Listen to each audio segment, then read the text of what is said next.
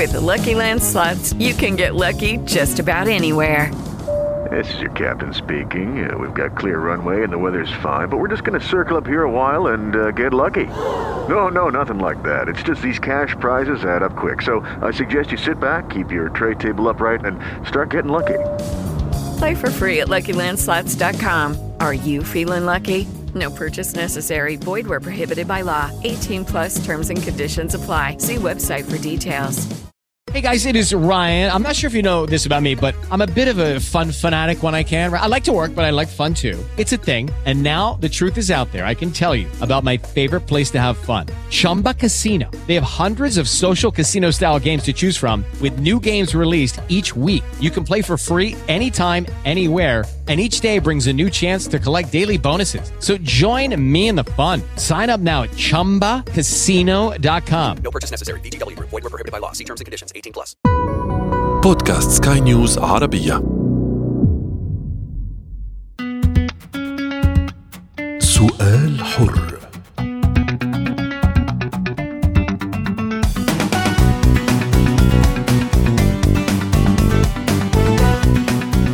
أهلا بكم مستمعينا الكرام إلى السؤال حر معكم عمر النخل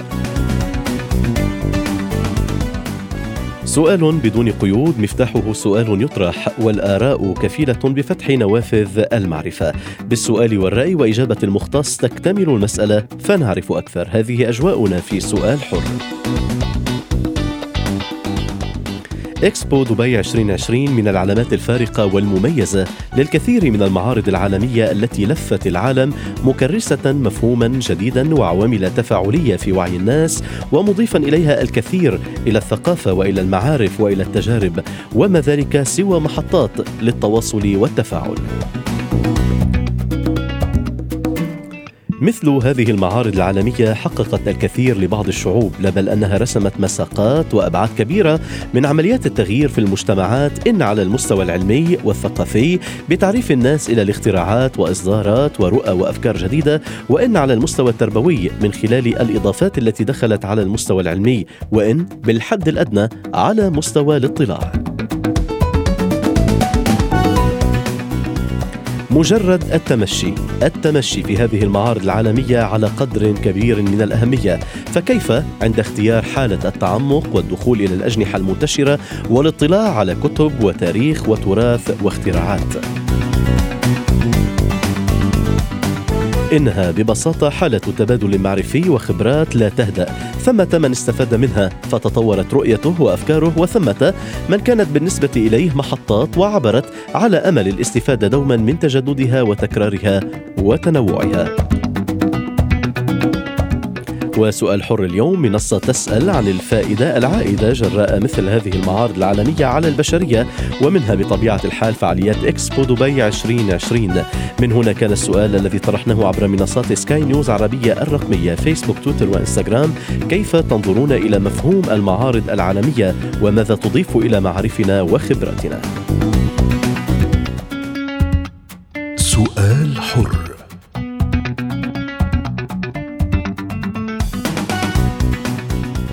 وطبعا تعددت وتنوعت الآراء والتعليقات الواردة عبر منصتنا من أصدقاء البرنامج وائل يعتبر أن هذه المعارض فرصة للتجديد الثقافي. يقول التفاعل فيها أكثر من مطلوب حتى ولو بزيارة لمرة واحدة. سناء تلاحظ تقول كثيرون يتعاملون مع هذه المعارض أنها مجرد ملتقيات دون الاستفادة العميقة مما توفره. علياء تقول كل العالم يأتي إلى هذه المعارض بالثقافة والتراث والمأكل والمشرب والاختراعات. مع ذلك يشتكي الكثيرون بأنهم معزولون عن العالم. جابر يؤيد علياء في تعليقه يقول بالفعل مثل هذه المعارض تكسر عزلة الشخص. كل العالم يكون أمامه وبين يديه وتغنيه عن السفر في أماكن كثيرة. نذير يبدو له اهتمامات تكنولوجية. يقول أنا أنتظر هذه المعارض من أجل الاطلاع على جديد التكنولوجيات.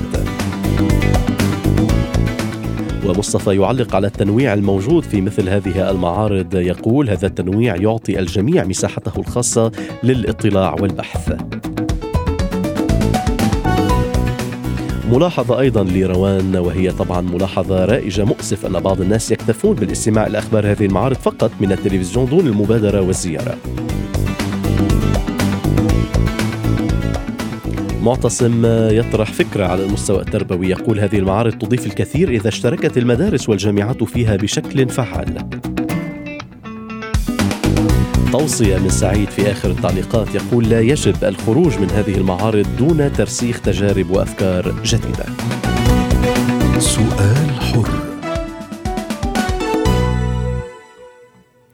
يسعدني أن تنضم إلي في الجزء الأول من هذا الحديث الدكتورة لما الصفدي الاختصاصية النفسية والتربوية. أهلا بك دكتورة لما. كل عيون الناس اليوم على دبي على هذا المعرض العالمي الذي كما ذكرنا يعني يأتي كعلامة فارقة للكثير من المعارض العالمية التي أقيمت حول العالم واستفادت منها البشرية. لنبدأ قليلا دكتورة لما بحديث الانعكاسات التربوية أو الثقافية. بمجرد مجرد انعقاد مثل هذه المعارض العالمية الكبرى كيف تؤثر وكيف تجذبنا على المستوى الفكري الثقافي التربوي؟ آه، أكيد. آه، فكرة المعارض هي لم تأتي عبثا يعني. هي كانت فكرة بأنه الإنسان هو دائما بحاجة إلى التطور ومواكبة التطور. بالإضافة بأنه الإنسان دائما تواف إلى الجديد. يعني مجرد مجرد مواكبة الإنسان إلى الجديد هو ممكن يحفز هذا الشيء بذاكرته ويحفز حتى قدراته على أنه هو لابد انه يظل بمسار الإبداع. كلنا ونحن أطفال بنتذكر آه يمكن كان نسوي معارض بسيطة بأدوات بسيطة بالمدارس بالمناطق وكان دائما عندنا هذا الشعور بأنه إنجاز. كل واحد فينا عم ينجز شيء معين ومصدر سعادة. فما بالك لو كان هذا الإنجاز هو إنجاز يعني آه العالم احتفل فيه. فبالتالي اذا هو يستحق فعلا أنه يشاهد.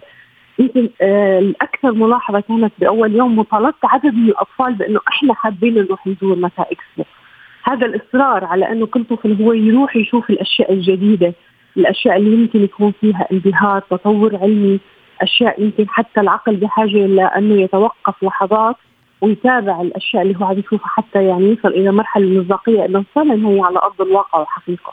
نعم. فاذا كلها هي عبارة عن إثراء لتفكيرنا. نحن بنعرف بانه خلال السنوات الماضية كنا دائما عايشين بثورة السرعة بالتقنيات بالسوشيال ميديا التطبيقات الألعاب. ولكن لما بنوصل نحن إلى إنجاز يعتبر إنجاز يعني ترفع له القبعة كما يقال لأنه هو إنجاز حقيقي بكل ما تعنيه الكلمة. فيه ابتكار في إبداع في تطور. والأهم بأنه كل العالم موجود في بقعة واحدة. تماما دكتورة لما سندخل إلى هذه يعني المفاهيم التي ذكرتها التطور الابتكار وغيرها ولكن طالما بدأنا بالحديث عن المنظور الفكري والمنظور الثقافي لمثل هذه المعارض وجودها اليوم أمامنا بهذه الضخامة بهذه النفحة العالمية بحضور كل الدول برأيك هذه المعارض طريق سهل أو طريق ربما آه، مباشر إلى الثقافة والفكر أسرع ربما من الكتب والاطلاع والملتقيات التقليدية العادية؟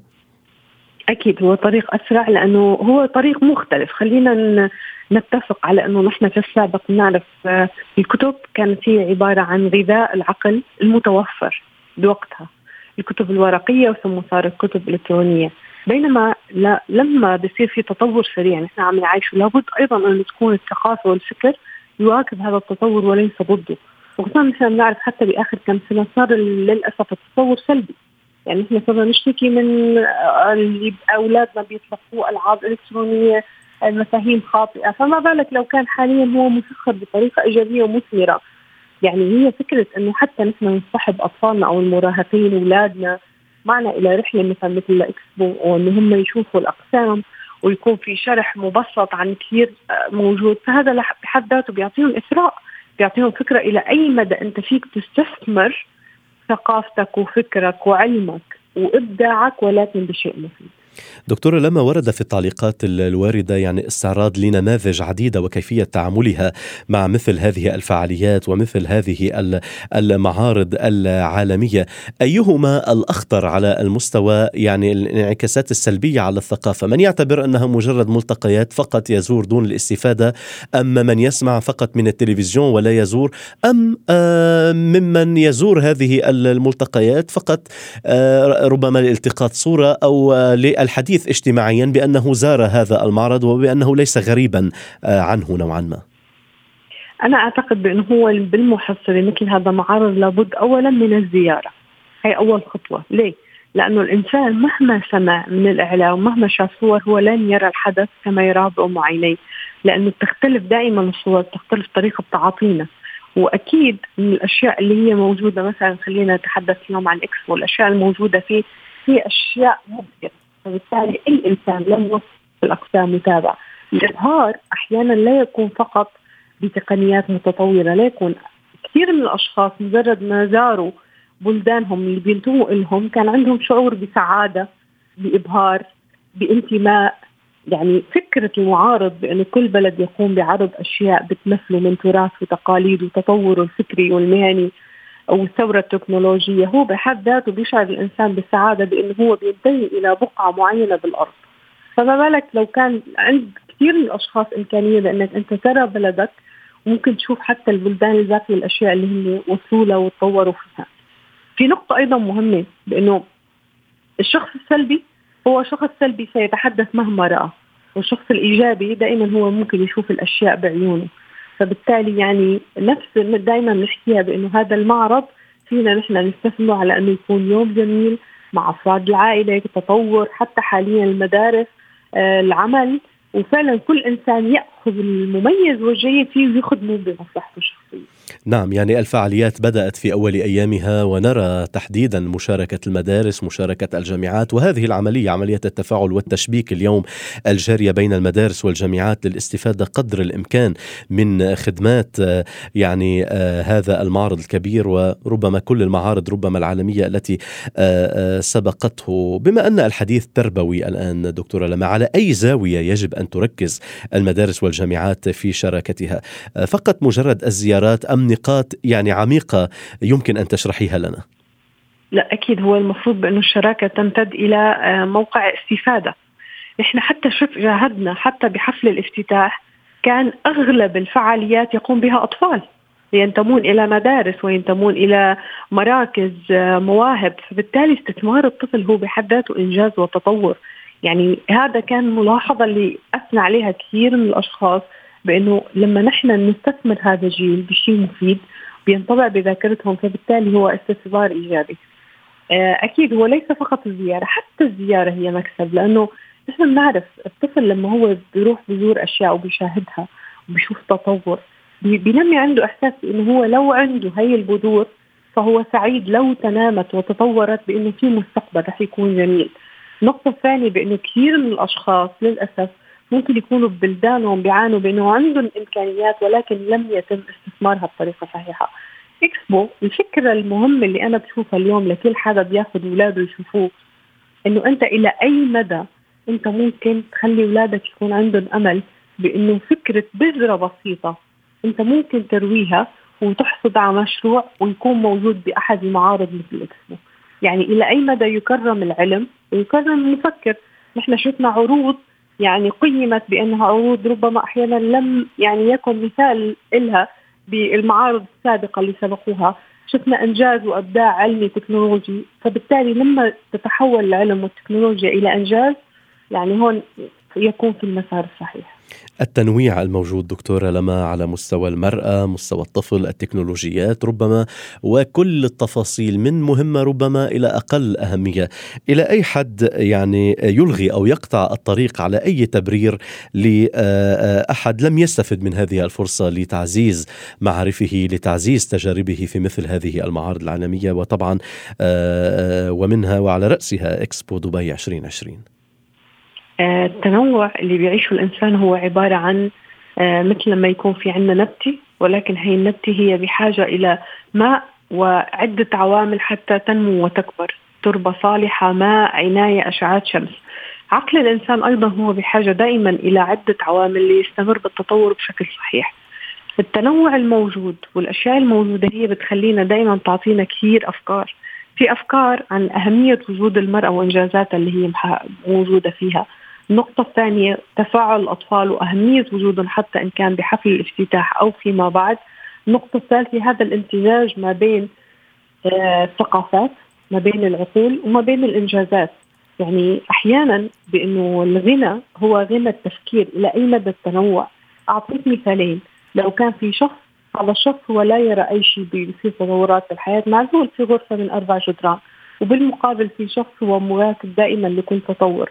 لو قسنا حتى الحركة الدماغية والسيالات العصبية بدماغ كل منهما رح نلاحظ بانه الشخص اللي أكثر ذهابا وتطورا هو شخص خالي من الاكتئاب وخالي من الهم وقادر على تطوير نفسه وعنده مرونة نفسية. بينما الشخص المنغلق ما بين أربع حيطان هو مقيد نفسه بقيود وسلاسل ربما تكون مجتمعية أخلاقية بحسب المجتمع اللي بينتمي له هو شخص حتى دماغه غير قابل للتطور. نعم. ما بالك لو كان موجود كل عوامل التنوع والتطور في مكان واحد وهو فرصة أنه الإنسان دائما يكون عنده أمل بأنه المبدعين ما زال لهم مجال وبأنه الإنسان لو كان عنده مشروع لابد أنه يتمسك فيه لأنه أكيد بيجي يوم وبصير هو تحت الضوء على أرض الواقع دكتورة لما أيضا سأنطلق من أحد الأمثلة يعني الذي آه، تقدمت به قبل قليل يعني عندما تذهب العائلة برمتها الأب, الأب والأم والأطفال ولربما آه، الجد والجدة إلى مثل هذه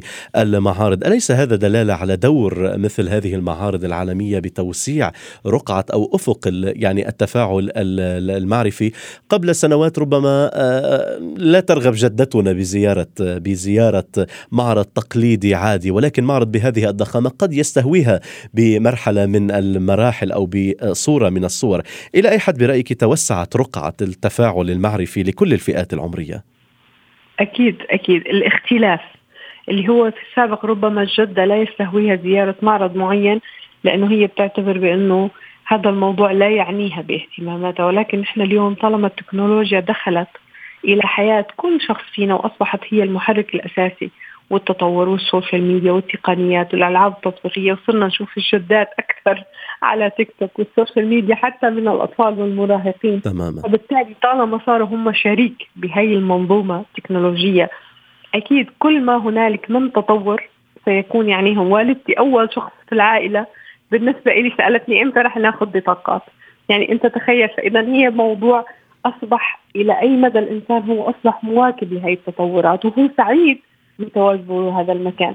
النقطة الثانية بالعكس أنا أعتقد بأنه ربما والدتي أو لو جدتي أو لي إنسان كبير بالعمر ممكن هو يكون مهتم بهذا الشيء لأنه هم ما زال لديهم كثير موضوع الأصالة والفكر والتعلم والثقافة والإبداع كثير من أولوياتهم بالحياة. يعني دائما بيصير ربما أحكام على هذا الجيل بأنه جيل متهور متسرع ألعاب إلكترونية. بيتمسكوا بعاداتهم. فما بالك لو كان في مكان بيوازي هذا الشيء بيعطيهم هاي الأهمية اللي هم بيستسعدهم بأنه في علم تحول إلى تقنيات معينة إلى تكنولوجيا معينة بالإضافة إلى أشياء قديمة. يعني شفنا في كثير أجنحة. التراثية والتراث وال... التراثية وجدت في بلدانها من آلاف السنوات. يعني كان وجودها أصلا بحد ذاته هو بيعيد الذكريات والماضي وبيخلي الإنسان يشعر بالفخر بإنه موجودة وما زال محتفظ فيها. يعني من الأمثلة على ذلك عبر ال social media أيضا صور لكبار في العمر آه، يعني يأخذون سيلفي في موقع الحدث ويقولون بأننا نشعر بأننا نتجدد أو أننا نعود شبابا. تعليقك يا دكتورة لما على يعني مثل هذه الانطباعات؟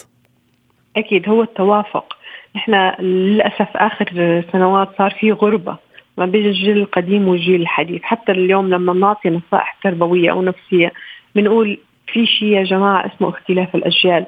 الجيل القديم ما بيشبه هذا الجيل فطبيعي إنه يكون ما في توافق في وجهات النظر حتى ما بين الأهل وأولادهم أو إلى ما هنالك. ولكن الحلو مثل ما أنت تفضلت بإنه لما فكره زيارة المعرض أو زيارة أماكن ممكن تتفق فيها العائلة نحن رح ننتبه بإنه يمكن الأولاد رح يروحوا على مكان بيستهويهم. حتى الأطفال كل نعم. عمر في شيء معين رح يجوا. ولكن مجرد التواجد المشترك وفعالية مشتركة أنا بعتبرها بهذا الزمن صارت هي تعتبر كنز. يعني إنه أهل البيت واحد وعائلة واحدة ممكن يتفقوا بأنهم يجدوا ضالتهم في مكان واحد. بيكون في تنوع معين وبيكون في أشياء بتسعدهم جميعا. المنظور التربوي دكتورة لما يتحدث دائما يشدد دائما على عنوان الابتكار، الابتكار كما ذكرنا يتحقق في معارض عادية آآ آآ نراها ونشاهدها في عالمنا معارض الكتب، المعارض التقليدية، أمام معارض بهذه الضخمة يعني الوقت المستقطع لبدء حصاد بذور الابتكار. تتوقعينها على المستوى التربوي طويلة طويلة الأمد أم أنها ممكن أن يعني تأتي بنتائج قريبة وقريبة جدا؟ لا أكيد هي نتائج أصلا ملموسة وأكبر دليل بأنه نحن بجائحة كورونا لم يتوقف التعليم ولم يتوقف التطور ولم يتوقف العمل بفضل منظومة التعليم الذكي اللي هي كان بذورها مزروعة وكانت يعني تنمو. إيش جائحة كورونا فنحن كنا غير في كثير من البلدان. توقفت الدراسة فترات طويلة وتأجل عام وخسروا الأولاد عام دراسي واحد اثنين وبالتالي صار عندهم مشاكل. فكرة استمرار التعليم بأنه انتهت هذه الجائحة ولم يخسر أي طالب سنة دراسية. هو بحد ذاته انعكاس تطوري ومعرفي وتربوي لكل ما يحدث. النقطة الثانية بأنه حتى نحن اليوم نحن اليوم باللي عم نعيشه اليوم إعصار شاهين. مجرد ما وجود أي حدث نحن فينا نقول بأنه يتم استكمال المنظومة التربوية والتعليمية في المنزل، يتم استكمال العمل عن بعد، فبالتالي حتى صار عندنا هي المرونة النفسية والمناعة تجاه أي عائق وباء مشكلة آثار ممكن يواجه أي إنسان فينا، لكن نحن مستعدين بأنه نحن فينا نتابع حياتنا ونكون موجودين بنفس الوقت، الدليل إلى أي مدى يمكن خلال هي السنة نحن بنشوف بأنه في شركات كرمت في مؤسسات حكومية كرمت في فبالتالي طالما ما زال في فكرة كرم وأنجز وأبدع فهذا بحد ذاته أكيد هو تلاقي مشترك. تماما إلى تماما. يعني إلى أي حد اليوم مجيء هذا المعرض بهذه الضخامة أيضا دكتورة لما نستفيد من وجودك للحديث عن كل التفاصيل المتعلقة بالمنظور التربوي. إلى أي حد يعني قام بنوع من تبسيط الأمور تسهيل الأمور بعد سنتين؟ يعني إذا أردت أن نقول بالعامية من من يعني الشكوى من التذمر من ربما الطاقات السلبية بأن هذه الجائحة اعادتنا مليون سنة إلى الوراء بأننا أقعدتنا إلى أي حد ظهور مثل هكذا فعالية عالمية بهذا بهذه النفحة التفاعلية. تقول لا تقول أن العالم جميل وأن الأمور بخير والأمور أبسط مما كنا نتخيل ونتصور. هون أنا رح أعلق على كلامك بأنه فعلا ربما ما يحدث معنا دائما نحن نقول بأنه الحياة هي اختبارات ورسائل. دائما الحياة تأتي ب يعني تجعل أي إنسان يمر باختبارات معينة ولكن كل اختبار يكون هو رسالة محمل برسالة يكتشفها بعد فترة. ربما كورونا كان وباء حصد معه الكثير من أرواح الأشخاص الغاليين علينا حصد ربما معه خسائر ولكن بالمقابل كان إثبات لكثير من النظريات اللي كانت زائفة منها أهمية العائلة والصحة والمقربين والأمان المادي. الفكرة اللي صارت اليوم السعادة اللي كانت موجودة بقلوب كل شخص ليس فقط هو من يعيش على دولة الإمارات ولكن ربما في العالم بافتتاح إكسبو بأنه ما زالت الحياة موجودة وما زال الأمل موجود وما زال في بلد قادرة على الحد من انتشار فيروس معين بالإضافة إلى أنها كمان هي قادرة على إبداع معرض بهذا الضخامة والإنتاج والإبداع. حضور أشخاص من كل العالم إلى بقعة واحدة رغم وباء. فأنت مثل ما تفضلت هو كان شعور سعادة. نحن كنا كنا حاسين شعور بأنه سعداء حاسين بأنه ما يحدث وكأنه إنجاز. هو صغير لكل شخص فينا. هذا الإنجاز بيخلينا نشعر بأنه الأمل. أنت بتعرف كثير مهم. أحيانا وجود أمل بالحياة. برسالة بإشارة بتعطينا إحساس بإنه ما زال عندنا قدرة على الاستمرار. تماما. كثير من الأشخاص ممكن أنت تعاقبهم بعقاب معين ويكون وهمي ولكن هم يقتنعوا فيه إنه حقيقي ويأثر عليهم. فكمان أيضا الإنجازات الإيجابية لو كان في إنجاز إيجابي ولكنه حقيقي وعرض الواقع ونحن كلنا شفناه أعطانا إحساس بإنه خلص يعني كلنا أول جملة حكت بإنه إن شاء الله كورونا انتهت إن شاء الله رح يرجع. كل شيء. الحياة تعود. تطور عمراني واقتصادي والحياة تعود.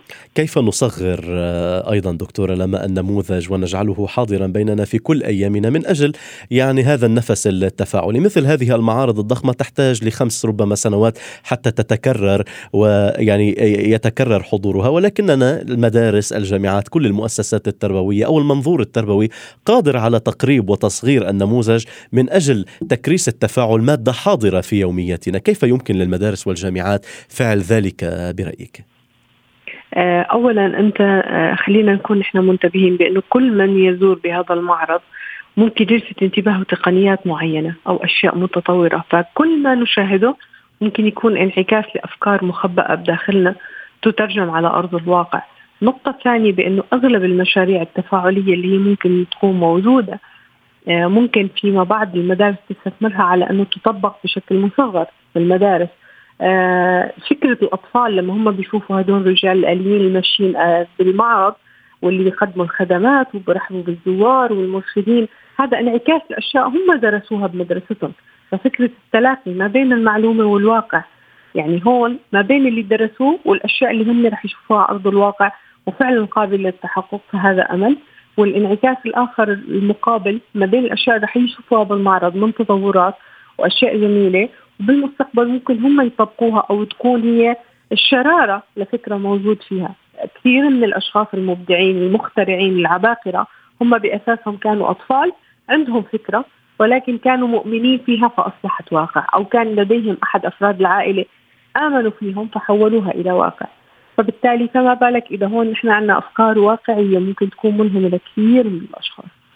أشكرك معنا الدكتورة لما الصفدي كنت معنا في هذا النقاش وسعدنا به من الإمارات. سؤال حر.